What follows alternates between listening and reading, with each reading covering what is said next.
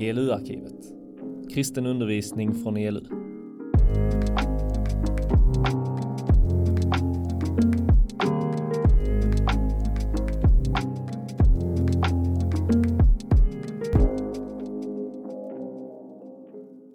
För några veckor sedan så, jag bor ju i Lund, och så eh, var jag ute och gick en promenad på ett av mina favoritställen i Lund.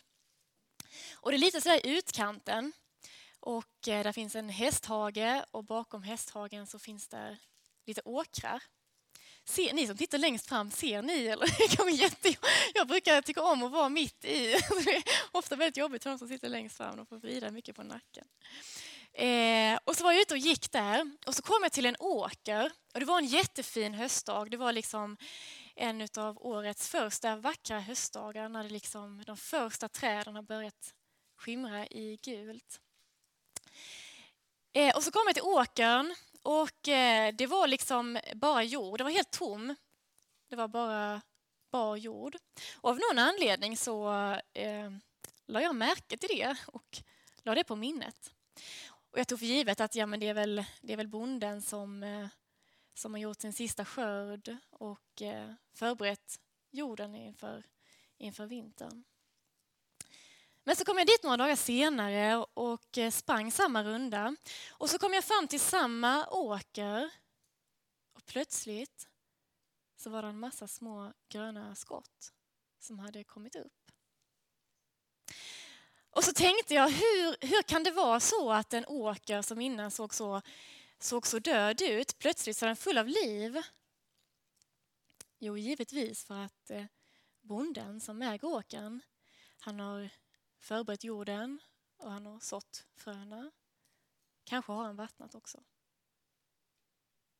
Hur kan det vara så att, att jag inte märkte någonting? Jag var där bara några dagar tidigare och då såg det bara helt dött ut. Jo, därför att växten börjar nere på djupet. Det börjar under ytan. Och hur kan det vara så att när allting går mot höst så kan det ändå börja spira i en gammal bortglömd åker? Jo, för det finns en kraft i just de fröna som är så stark. Att det kan spira även när det går mot höst. Och du och jag, vi går runt och vi bär på en åker. Och det är viktigt att vi är varsamma med vad vi sår, vilka frön vi sår i den åkern. För vad vi sår är helt avgörande för vad vi sen kommer att skörda. Och när ni är här, när ni kommer inför Gud, när ni väljer honom, då sår ni med de fröna som är Guds ord, som är Gud själv. Och kanske är det inte så att ni alltid märker skillnad när ni öppnar er bibel och jämfört med när ni slår ihop den. Eller när ni före och efter ni har bett amen. Förmodligen kommer ni känna lite annorlunda när ni åker från det här lägret men en vanlig söndag kanske ni inte märker skillnad före och efter ni gick till kyrkan. Därför att växten börjar på djupet. Det börjar inifrån. Men varje gång du kommer inför Gud så händer någonting. Och så börjar det gro. Och så börjar det spira. Och det finns en kraft i Guds ord som är så stark att även fast det kan kännas som att livet i övrigt kan gå mot höst så kan det börja gro och bära frukt. Eh, vi ber lite till. Tack Gud för att vi får komma inför dig. Tack för den kraft som finns eh, hos dig. Tack för det fantastiska budskapet och för att det får tillhöra oss. Tack för att vi får komma inför dig och fyllas på av dig. Och Gud, jag bara ber, du som känner oss var och en, känner och utforskar varje hjärta. Jag ber bara kom, kom med din heliga Ande. Tala liv in i oss Gud. Och använd mig, det jag har Gud, det jag har förberett. Och det får bli dina ord som talas ikväll. Amen. Ikväll ska vi eh, prata om ett ämne som jag eh, själv tycker är jättespännande. Eh, och som jag själv har funderat ganska mycket kring. Eh, men det är också ett ganska svårt ämne. Det är svårt därför att det går emot allt som eh, den här världen säger till oss. Det går emot allt det som vi dagligen annars övar oss i. Och det är svårt därför att, därför att det är svårt. Det är diffust och det är lite luddigt. Och det finns kanske inga superraka svar. Och det är svårt därför att, eh, därför att jag inte är någon expert inom ämnet och därför att det är ett ämne som jag eh, själv jobbar med dagligen. Eh, men det är också ett väldigt viktigt ämne och därför så svängde jag till temat för att det skulle passa mig. Eh, och vi ska börja med, med, ytterligare en bild, för att jag tycker om bilder. Och det är en bild som, som, jag, eh, som, som är ganska gammal egentligen och en del av er har kanske hört den. Eh, då får ni ha nåd med att jag berättar den en gång till. Men jag tycker om den för att jag tycker att den säger någonting så viktigt. Eh, det här var någonting som jag var med om eh, när jag var ute och gick återigen. när man går promenad och så händer ibland stora grejer. Det var faktiskt samma område. det var något magiskt med den platsen kanske. Eh, och så var jag ute och gick och så tänkte jag, tänkte jag väldigt mycket under den perioden eh, på så här... Eh, alltså, hur ska jag tänka kring mitt liv? Eh, och, och, och, vad ska jag liksom, vad ska jag satsa på? Vad ska, jag, vad ska det bli av mitt liv? Och, eh, vad ska jag ha för mål med livet? Och så var det som att jag såg framför mig hur det fanns två olika vägar, två olika alternativ. Och det ena vägen, det var min väg.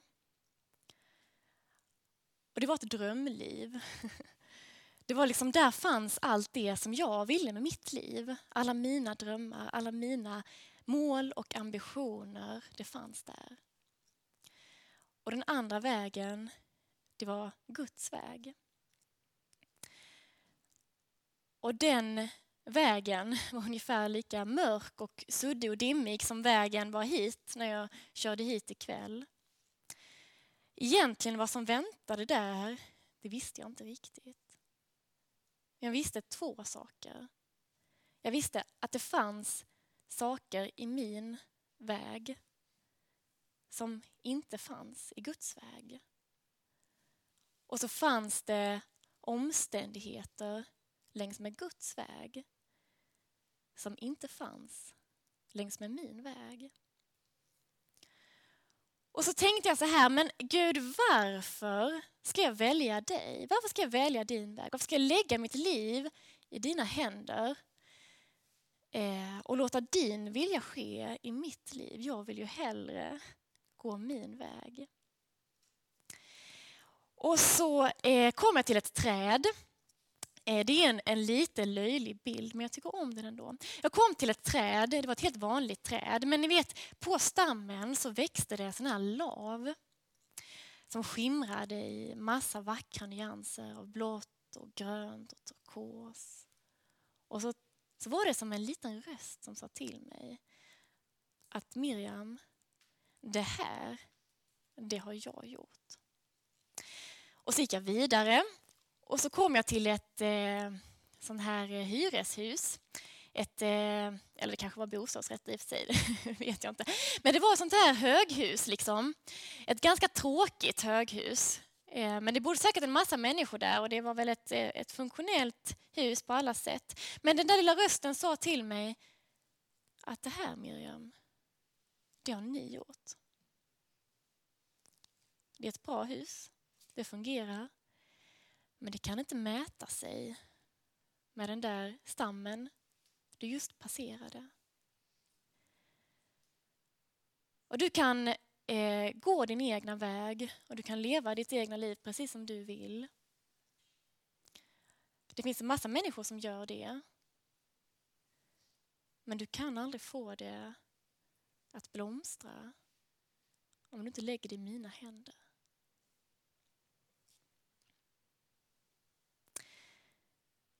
Och eh, sen den där dagen så har jag burit det där lite grann med mig och eh, jag har eh, utforskat det lite grann mer och mer.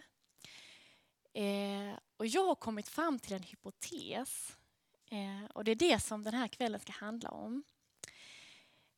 Och så har jag eh, jämfört det med Bibeln. Och min hypotes stämmer med Bibeln. Det stämmer med ganska lite annat i den här världen, men det stämmer med Bibeln. Och sen så eh, började jag se, läsa vad säger liksom de här gamla ökenfäderna och munkarna och nunnorna. Vad säger de? Och då insåg jag att de har kommit fram till samma hypotes. Eh, och eh, nu försöker jag att, eh, att testa den hypotesen i mitt eget liv och, och se vad, vad som blir av det. Och min hypotes den är så här att vi människor, vi är skapade för att överlåta oss själva till Gud. Och vi kommer aldrig att hitta hem förrän vi överlåter oss till Gud. Eller som Augustinus, en gammal ökenfader. Jag har inte läst så mycket av Augustinus, men jag har läst ett citat i alla fall. Han har sagt så här, att du och Gud har skapat oss till dig och vårt hjärta är oroligt till dess det finner vila i dig. Jag inser att jag har ingen aning om hur länge jag ska prata ikväll.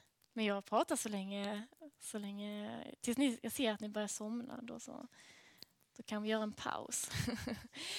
eh, Albin Lee Meldau är en artist som jag har nördat in mig på sista veckan. Jag tycker han gör superbra musik. Men han har haft ett ganska trassligt liv. Eh, mycket alkoholism och eh, narkotika och grejer. Eh, och han har också någon form av gudstro som jag tycker är ganska spännande. Men jag lyssnade på en, en podd med honom och där var det en expert eh, som var expert på det här med, med liksom alkoholism och narkotika och så. Och han sa det att i det här AA-boken, vet, Anonyma alkoholister, de har ett tolvstegsprogram. Och i deras bok så står det någonting i stil med att egoismen är roten till ditt problem. Och vad är egoism? Jo, egoism är motsatsen till överlåtelse. Egoism är att leva för sig själv. Det är att välja den där egna vägen. Egoism är motsatsen till vad du är skapad till. Egoism kan aldrig ge dig frid. Det leder, enligt AA, till slut bara till problem. För du är skapad för att ge dig själv till Gud och du kommer aldrig hitta hem förrän du ger dig själv till honom. Och vad är det att ge sig själv till någon eller till något? Jo, att ge sig själv, att leva för någon annan eller något annat. Det är definitionen av att älska. Kan man älska utan att överlämna sig? Nej, sann kärlek leder ofrånkomligt till sann överlåtelse. Människan, det här är en gammal påve som har skrivit detta. Människan som av alla skapade varelser på jorden är den enda som Gud velat i och för sig kan inte finna sig själv helt och fullt utan att uppriktigt ge sig själv. Du är kallad att älska, du är kallad att ge dig själv. Och hur kan vi veta det? Jo, för du är skapad i Guds avbild. Du är skapad till att vara lik honom. När Gud ska presentera människan så är det det, det viktigaste av allting. Människan är skapad till att vara lik mig, säger Gud. Eller att vara lik oss, säger han till och med. Och hurdan är Gud? Och Gud är treenig. Och vad är det som utmärker treenigheten? Jo, det är total överlåtelse. Det är fullkomlig kärlek. Det är en kärlek som bara ger, som hela tiden lever för den andra. Fadern ger sig själv till, för sonen och anden. Anden ger sig själv för, för sonen och fadern och sonen ger sig själv för anden och fadern. Fullkomlig överlåtelse. Och Gud säger att du är skapad att vara som jag. Du är skapad att ge av dig själv. Och du är skapad att älska. Men du är inte skapad att ge dig själv till vad som helst. När du är skapad att ge dig själv till det som är fullkomligt. Du är skapad att ge dig själv till Gud. Bara han är värd din fullkomliga överlåtelse. Att ge sig själv till någonting annat än Gud, det kommer bara bli destruktivt. Eh, om man sammanfattar hela gamla testamentet. Det kan låta, vid första anblicken så kan det låta ganska liksom hårt. Det är en massa saker, det är en massa eh, liksom bud om hur vi ska leva och hur vi inte ska leva. Och Gud straffar en massa människor. Han säger att ni är som, ni är som horor som ligger runt med, liksom, med, med andra män. Men, men om man sammanfattar, om man läser lite djupare så kan man sammanfatta allting i det enda att du ska älska Herren din Gud av hela din själ, av hela din kraft, med hela ditt förstånd. Älska Gud över allting annat och din nästa som dig själv. Det vill säga, ge dig själv, överlåt dig själv till Gud. Det är det du skapar till. Och det är inte hårda bud som du måste följa eh, för att Gud ska bli nöjd med dig. Nej, det är en varm inbjudan till att bli det du skapades till att vara. För Gud vet att det är där du hör hemma. Och Gud vill föra dig till vatten där du finner ro. Och det är överlåtelsen till honom, ingen annanstans.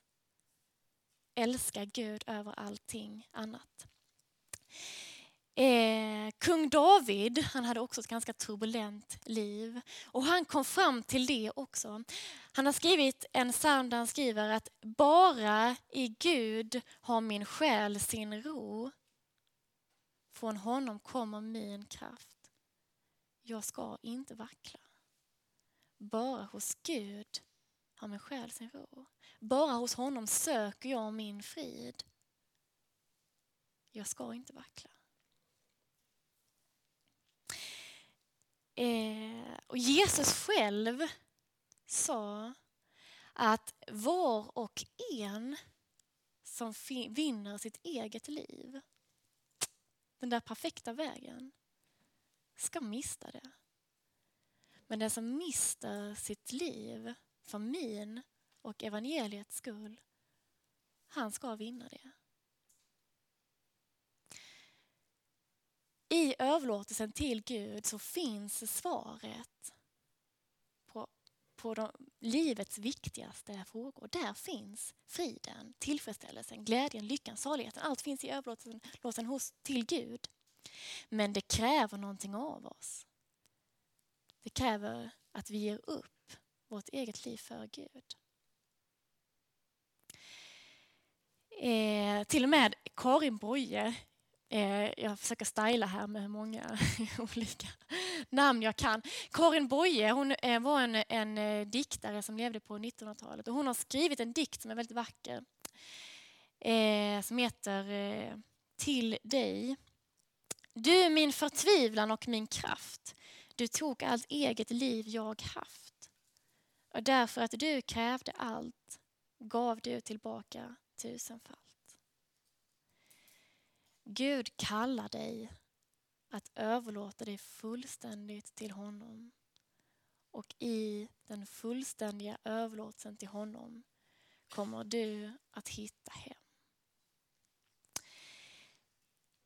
Men eh, vad är då överlåtelse? Det är rätt luddigt, är det inte det? Jag har själv funderat en del på det och jag tycker inte att det är helt enkelt. Eh, men jag har kommit fram till några saker. Eh, det är ingen, ingen fullkomlig uttömmande utläggning. Eh, det är jag inte kapabel till. Men några smådelar ska ni få i alla fall.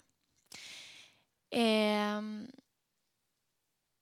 ibland, eh, ibland så är det lätt att tänka. Att ni vet, man lyssnar, man lyssnar på massa vackra, häftiga vittnesbörd om människor som har fått uppleva Gud på ett väldigt eh, tydligt sätt. Som har fått erfara honom, som kanske har fått mäktiga eh, bilder eller tilltal eller helanden.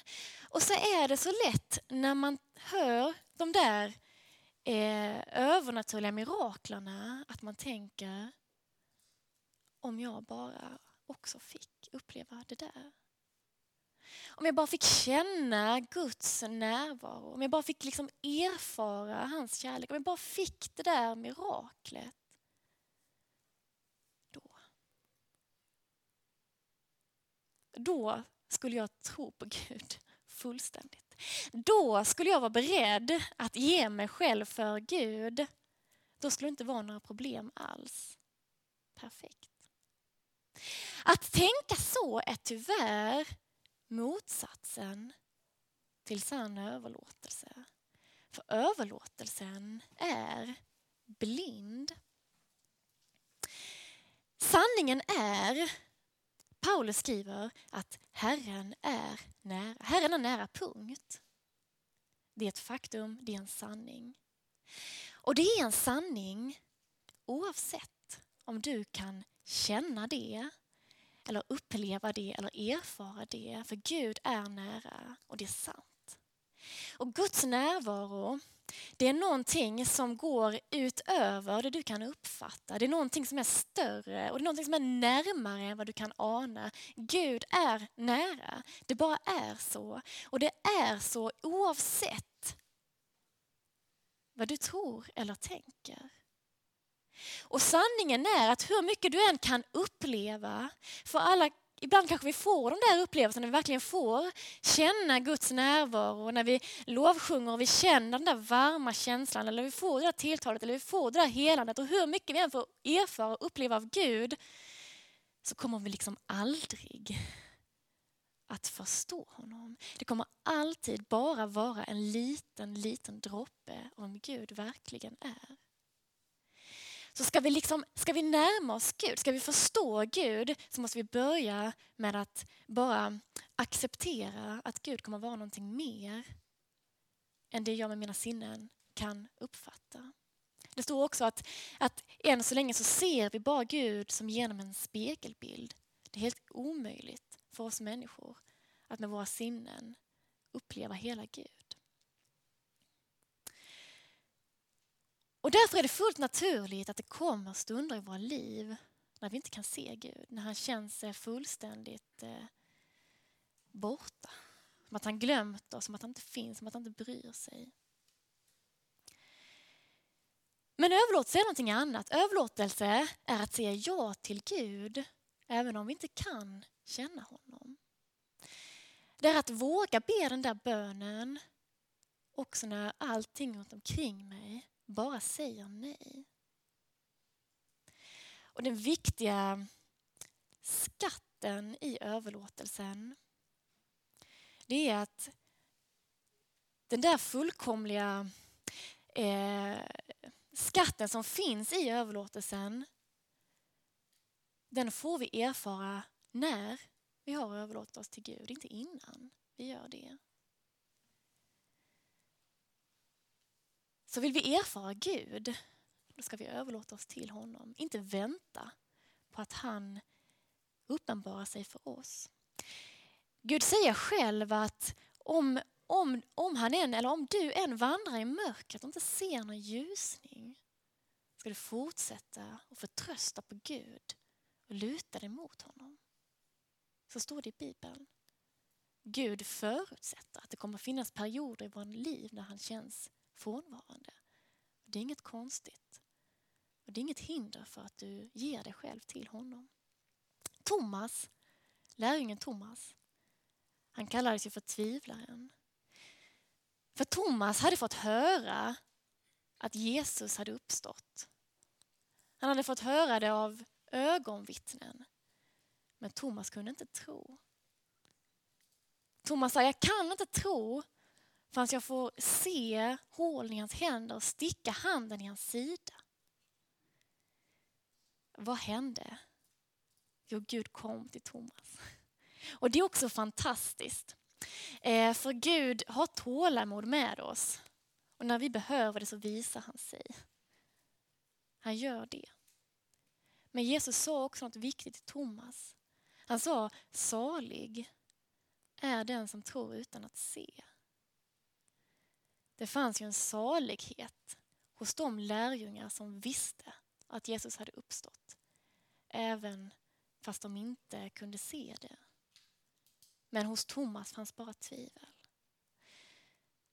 Så överlåtelse är att ge sig själv till Gud oavsett vad vi känner eller upplever. Eh, men överlåtelse är också någonting mer. Överlåtelse är, eh, leder till eh, frånvaro av oro. Och det leder till frånvaro av oro. Dels för att, att leva i överlåtelse är att leva i vetskapen, i övertygelsen. Egentligen vetskap är kanske fel ord för att vi vet ju inte, vi bara tror. Men att leva i vetskapen om att Gud finns, att han är nära och att jag har gett över kontrollen till honom. Och i den eh, övertygelsen så finns en helt oändligt stor frid. För det vi gör i överlåtelsen är att ge över kontrollen till Gud. Vi ger honom mandat att styra i våra liv. Vi ger över våra gåvor, våra talanger, vår oro till Gud och så får han lov att använda det. Ibland är det lätt att tänka att okej, okay, men ska jag välja Guds väg då måste jag välja bort allt det där andra. Jag måste liksom, uh, då ska jag leva någon slags askes och jag ska strunta i det som jag egentligen vill och, och bara hålla på med saker som egentligen är tråkiga. Jag har tänkt så, jag vet inte om ni har tänkt så. Men, men det är inte det som Gud kallar oss. Gud kallar oss att lägga det inför honom så att han får märka det. Eh, det finns ju, ni känner säkert igen den här berättelsen om eh, när Jesus undervisar folk på, på ett berg och så blir det kväll och så blir folket hungriga och där är 5000 människor, eller 5000 män står det faktiskt, det kan vara ännu fler människor. Eh, och det enda som lärjungarna har är fem bröd och två fiskar. Och det är kanske lagom för lärjungarna, men det räcker inte till alla de andra. Men vad gör lärjungarna? De har så lite, det räcker till nästan ingenting. Men lärjungarna gör en viktig sak. De tar, de tar det de har. De tar allt de, de har. Och när man är hungrig så är mat det dyrbaraste man har. De tar det och så lämnar de över det till Jesus och så lägger de det i Jesu händer. Och vad gör Jesus? Jo, han välsignar det. Och plötsligt, plötsligt räcker det och blir över. Det blir i överflöd. För det som hamnar i Guds händer, det blir välsignat. Det blir någonting gott av det. Det är inte säkert att lärjungarna blev mer mätta än de hade blivit om de hade behållit bröden och fiskarna för sig själva. Men människorna runt omkring blev mätta när lärjungarna gav det de hade till Jesus. Gud är så god att allt som han rör vid på något sätt blir gott. Allt som händer i den här världen är inte gott. Allt som händer i den här världen är, har inte en mening. Men allt som hamnar i Guds händer får en mening, blir i slutändan gott. För att Gud är så stor och mäktig. Jag har inte makt att göra någonting gott av alla mina omständigheter. Men Gud har makt att göra det. Och Det finns många exempel på det. Tänk bara på Josef. Alltså Josef han blev tagen av sina bröder och så blev han slängd i en brunn. Och han höll på att dö. Och sen sålde de honom eh, som slav. Det är helt fruktansvärt. Och sen så blev han fånge igen i Egypten, i det nya landet. Alltså vilken tragedi. Men Josef förtröstade på Gud.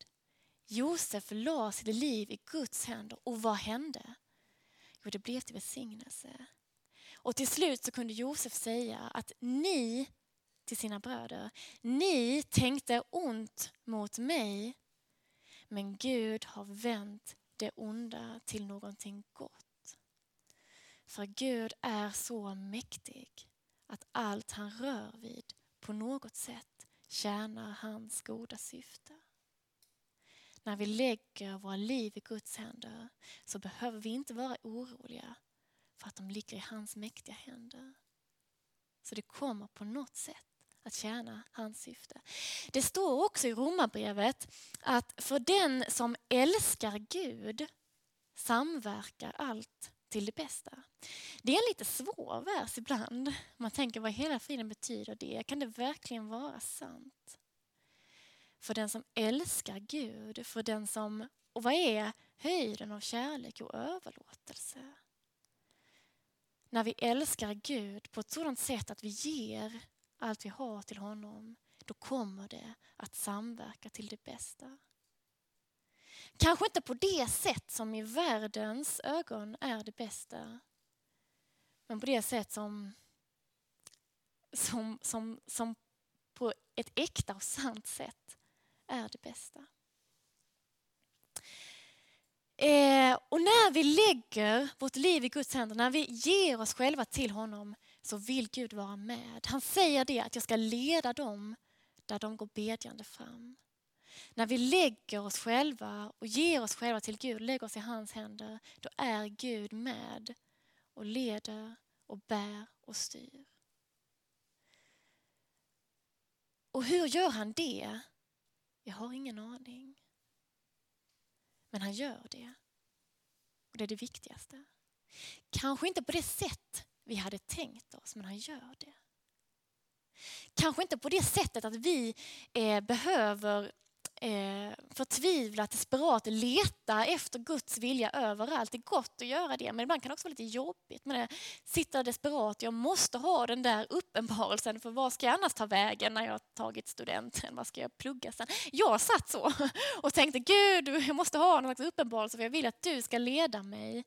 Jag fick ingen sån uppenbarelse, jag fick välja själv. Eh, men när jag hade valt upplevde jag att Gud var med och välsignade. Alltså Gud leder, han gör det. Han är med. Och eh, det räcker att veta det. Det räcker att vila i det. Du har gett över kontrollen till Gud, du behöver inte vara rädd. I förtröstan på Gud finns ingen plats för oro. Eh, Gud säger själv eh, efter att Paulus har konstaterat att Herren är nära så säger han Gör er inga bekymmer utan låt Gud i allt få veta alla era önskningar. Då ska Guds frid, som övergår allt förstånd, bevara era hjärtan och tankar i Kristus Jesus. När vi lämnar över våra eh, våra önskningar till Gud, då, då välsignar han dem. Och eh, då finns det frid som övergår allt förstånd.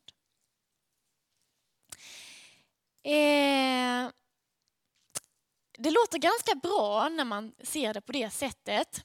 Eh, och Eh, själv tänkte jag, wow, det här låter superbra. Jag ger mig själv till Gud så blir mitt liv perfekt, superbra. eh, så kanske jag ändå får det där perfekta livet liksom, som jag ville ha.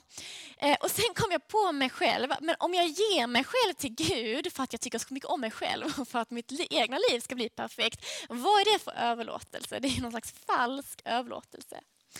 Eh, det är som att, som att ge pengar till välgörenhet för att jag kommer få en supersnygg bil om jag gör det. Det är ju fortfarande bara egoism. Nej, om vi ska överlåta oss till Gud så innebär ju det i praktiken att vi lever för Guds bästa. Att vi lever enligt Guds vilja, att vi följer hans vilja eh, framför vår egen vilja. Eh, det finns en, eh, en psalm där eh, det är återigen av David. Han hade faktiskt mycket kloka tankar, David. Han skrev så här, att göra din vilja, min Gud, är min glädje. Din lag är i mitt hjärta. Så om vi nu ska överlåta oss till Gud så måste vi ju leva efter Guds vilja. Vi måste tjäna Gud med våra liv. Vi måste leva liksom efter... Alltså, tänk er en förälder som, eh, som lever för sitt barn. De gör ibland uppoffringar för barnet, för de tänker på barnets bästa. Och vi, om, vi vill, om vi vill ge oss själva till Gud så måste vi liksom tänka på, på Guds bästa. Och hur i hela friden gör man det? För Gud, Gud är ju Gud. Eh, Gud, Gud är i himmelen, Gud är perfekt, Gud eh, lider ingen brist. Och hur kan jag, som är så ofullkomlig, eh, liksom ge mig själv för Guds bästa? Det är bara jag som har en massa behov. Ja, det finns faktiskt människor innan oss som också har tänkt så. Eh, och Jesus han pratade en gång om den sista domen. Och då sa han att, att människorna skulle delas upp i två, höger sida och vänster sida. Ni behöver inte se det så bokstavligt talat. Och då så sa han så här att då ska jag stå där på domens dag och så ska jag titta på dem som är på min högra sida. Eh, och, så, och så ska jag säga till dem att, att att, eh, att ni får komma in i min härlighet för att ni, eh, när jag var hungrig så kom ni och gav mig mat, när jag var törstig gav ni mig dricka, när jag satt i fängelse och när jag var på sjukhus så kom ni och besökte mig. Och då säger de människorna som står där, men Jesus, när, när såg vi dig hungrig? När såg vi dig törstig? När var du i fängelse eh, eller på sjukhuset och vi besökte dig? Och då säger Jesus så här. Jo, men allt som ni har gjort för en av mina minsta, det har ni gjort för mig. När vi älskar en av Guds minsta, då älskar vi Gud. När vi gör goda saker för människorna omkring oss, då ärar vi Gud. Då lever vi för hans vilja. Att älska Gud är att älska de människor som Gud älskar. Och vilka människor är det? Ja, när, eh, det finns olika, jag är ingen teolog, men det finns olika teologer som menar att när, när Jesus säger en av mina minsta, då menar han, eh, då menar han kyrkan. Då menar han lärjungarna. Eh, så när vi tjänar kyrkan, då tjänar vi Gud. När vi ger av oss själva till kyrkan, då ger vi av oss själva till Gud. Det är gott att tjäna kyrkan. Men, men Jesus går längre än så. Jesus säger att vi ska älska våra fiender och be för dem som förföljer oss. För Jesus älskar alla människor. Och vi är också kallade att älska alla människor. Eh, att leva ett liv bara för sig själv, det blir i längden tråkigt. Vill vi leva för Gud så måste vi vara beredda att också leva för våra medmänniskor. Eh, och Det kan tyckas kanske lite osunt. Att, att ska vi verkligen liksom ge fullständigt av oss själva till alla människor vi möter? Det blir ju lite grann som när man skänker så mycket pengar så att man till slut hamnar i en slags personlig konkurs. Det finns ingenting gott med det. Nej, men poängen är att du ska älska Gud över allting och sen ska du älska din nästa som dig själv. Och så länge vi älskar Gud över allting, så länge som vi är fullständigt överlåtna, eller så mycket som vi kan, för vi kan ge sig själv fullständigt, så mycket vi lever för Gud, så mycket vi ger oss för honom, så kommer vi aldrig att sina i kärlek och kraft. Det kommer inte att vara ett problem, jag är fullständigt övertygad om. Så länge Gud säger inte älska så att jag kan älska dig. Gud säger att ni älskar för att jag först har älskat er. Först älskar Gud oss. Först ger vi oss till honom. Och sen får vi älska våra medmänniskor. Älska så som, eh, så som vi älskar oss själva.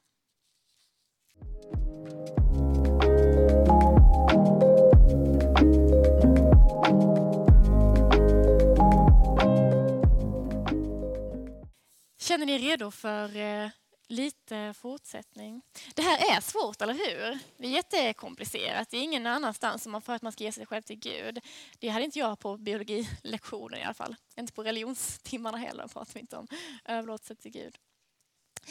Den ultimata förebilden när det kommer till överlåtelse, det är Jesus själv. Eh, Jesus levde fullständigt för Fadern. Eh, han sa till mig, jag kan inte göra något av mig själv. Jag söker inte min egen vilja utan hans vilja som har sänt mig. Jesus levde fullständigt för Fadern, i fullständig överlåten kärlek till Fadern. Och vad hände med Jesus? Jo, Jesus, som ett resultat av det, så älskade han dem som Fadern älskar. Han älskade oss. Och Jesus älskade oss så mycket att han gav sig själv, överlät sig själv fullständigt till oss. Eh, ingenting som hamnar i Guds händer blir meningslöst. Eh,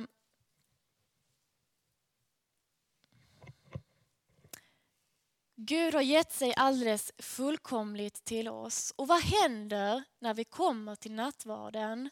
Jo, prästen säger Kristi kropp för dig utgiven, Kristi blod för dig utgjutet.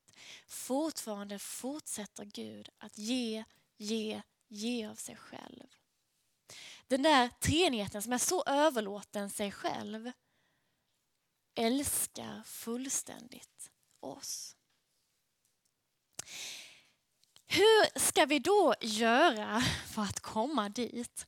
För att, eh, för att ge oss själva till Gud, var ska vi börja någonstans? Ja, eh, det finns en plats som alltid är rätt att börja på. Och det är bönen. Att komma till Gud och att säga som det är. Och att i bönen be sin överlåtelse till Gud, det är och kommer alltid att vara gott. Och det är och kommer alltid att vara sprängfyllt av kraft. Det andra vi får göra det är att, att läsa Bibeln. Vi måste läsa Bibeln därför att det är den sanning som Bibeln, som står i Bibeln, det är det vi ska bygga våra liv på. Eh, vi måste läsa, inte, inte bara läsa, inte bara läsa när vi känner för det, inte bara läsa när det känns bra, utan läsa för att lära. Vi måste läsa, precis som, som, som läkare så, så måste jag läsa en massa saker. Eh, och jag har gått jättelänge i skolan och jag måste kunna det utan till Så att när det kommer en sjuk patient, så att det finns inom mig, så att jag vet instinktivt vad jag ska göra. För det är det, det är det jag bygger min mitt handlande på. Det är det som hela min karriär bygger på. Och så är det med Gud också. Vi, ska, vi, ska, eh, vi måste ju leva efter Bibelns sanningar. Vi måste låta Bibelns definition av vem jag är vara min egen definition av vem jag är. Eh, vi måste liksom låta Bibelns eh, eh, världsbild vara min världsbild. Så vi måste läsa Bibeln. Vi måste lära oss verserna utan till så att det finns i vårt hjärta. Så att när den stunden vi behöver det så finns det redan där. Så att vi blir färgade och formade av Bibeln. Och det är superviktigt. Det gör skillnad i våra liv. Eh, och vi måste tjäna Guds kyrka och vi måste tjäna och älska människorna omkring oss. För kan man ens älska Gud utan att låta bli att älska människorna omkring sig? Jag tror inte det. Eh, och sist, men inte minst, så måste vi lovprisa Gud. Vi måste lovprisa Gud för den han är. Eh, och jag har varit jättedålig på det. Men det finns en kraft i lovprisningen. Det är så lätt att tänka att jag ska vänta med att prisa Gud tills jag har anledning att prisa honom. Men sanningen är att Herren är nära. Gud är fullkomlig kärlek. Gud har all kraft i himlen och på jorden. Och du har alltid anledning att prisa Gud. Och när man prisar Gud, då älskar vi Gud. Och när vi prisar Gud så händer någonting inom oss. När vi prisar Gud så börjar vi förvandlas på insidan för det finns en kraft i den lovsången. Eh, och jag vill påstå att det är när vi prisar Gud som vi också överlåter oss till honom. När vi tackar Gud för den han är. Det är viktigt att prisa Gud. Glöm aldrig bort att prisa Gud. Eh, vi läste, vi, vi, jag eh, citerade innan den här versen när, när Paulus säger att Herren är nära. Eh, gör er inga bekymmer för någonting utan låt Gud i allt få veta alla era önskningar. Och sen står det någonting mer. Genom ständig åkallan och bön med tacksägelse. Prisa Gud. Att lägga fram sin bekymmer inför Gud är gott och det händer någonting när vi gör det. Men ibland är det så att det är först när vi också prisar Gud som vi på allvar kan släppa det vi lagt i Guds händer. För det finns en kraft när vi börjar prisa honom. Och Det känns jättekonstigt i början men det händer någonting. Det händer någonting. Och då är vi tillbaka på den där åkern. Den där åkern där det först är alldeles bar jord och sen långsamt, långsamt, först, först under ytan så börjar det hända någonting. Och så börjar det växa och gro och spira. Det går inte över en natt. Men långsamt, långsamt så händer någonting när vi sår med de frön som är, som är Gud själv. När vi överlåter oss själva och prisar Gud. Så långsamt, långsamt så blir där liv. Liv som mättar inte bara oss själva utan som mättar människorna runt omkring oss. Och när vi lovprisar Gud då förvandlas vårt eget liv så småningom till en lovsång, en alldeles unik lovsång till Gud själv. Och det är jobbigt och det är svårt och det går lite upp och ner och det är okej att det gör det. Eh, och det kan låta som att det är en väldig massa saker som det kräver av oss och det gör det, det kräver allt av oss. Eh, men en grej får vi aldrig glömma, även om överlåtelsen till Gud är ett fritt val som ingen annan än vi själva kan fatta, så är det så att Gud har överlåtit sig själv fullständigt till dig. Ren, fullkomlig kärlek bara öser han ut över dig. Och din överlåtelse till Gud kommer aldrig att vara någonting annat än ett gensvar på hans kärlek till dig. Aldrig någonting annat än ett gensvar på hans kärlek till dig. Och det, det är nåd. Det är rakt igenom bara nåd. Och det är på grund av vad han har gjort för dig. Det är nåd. Eh, Hela gamla testamentet handlar om att Gud kallar dig tillbaka till den du skapades för att vara. Och hela nya testamentet är bara, handlar bara om hur Gud redan från alltings början har gett sig själv fullständigt till dig. Tack Gud för den du är. Tack för eh, den oerhörda kärlek som du har mot oss Gud. Tack för att du har gett dig själv alldeles fullkomligt mot oss. Eh, och Herre, jag ber, kom till oss var och en. Kom och eh, rör vid oss Gud så att vi mer och mer får, får upptäcka de oerhörda sanningarna som finns, Gud, i ditt evangelium. Eh, och Herre, så vill vi eh, prisa dig för den du är och eh, tacka dig för den du är, Gud. Och eh, jag lägger resten av den här kvällen och lovsången helt i dina händer. I Jesu namn. Amen.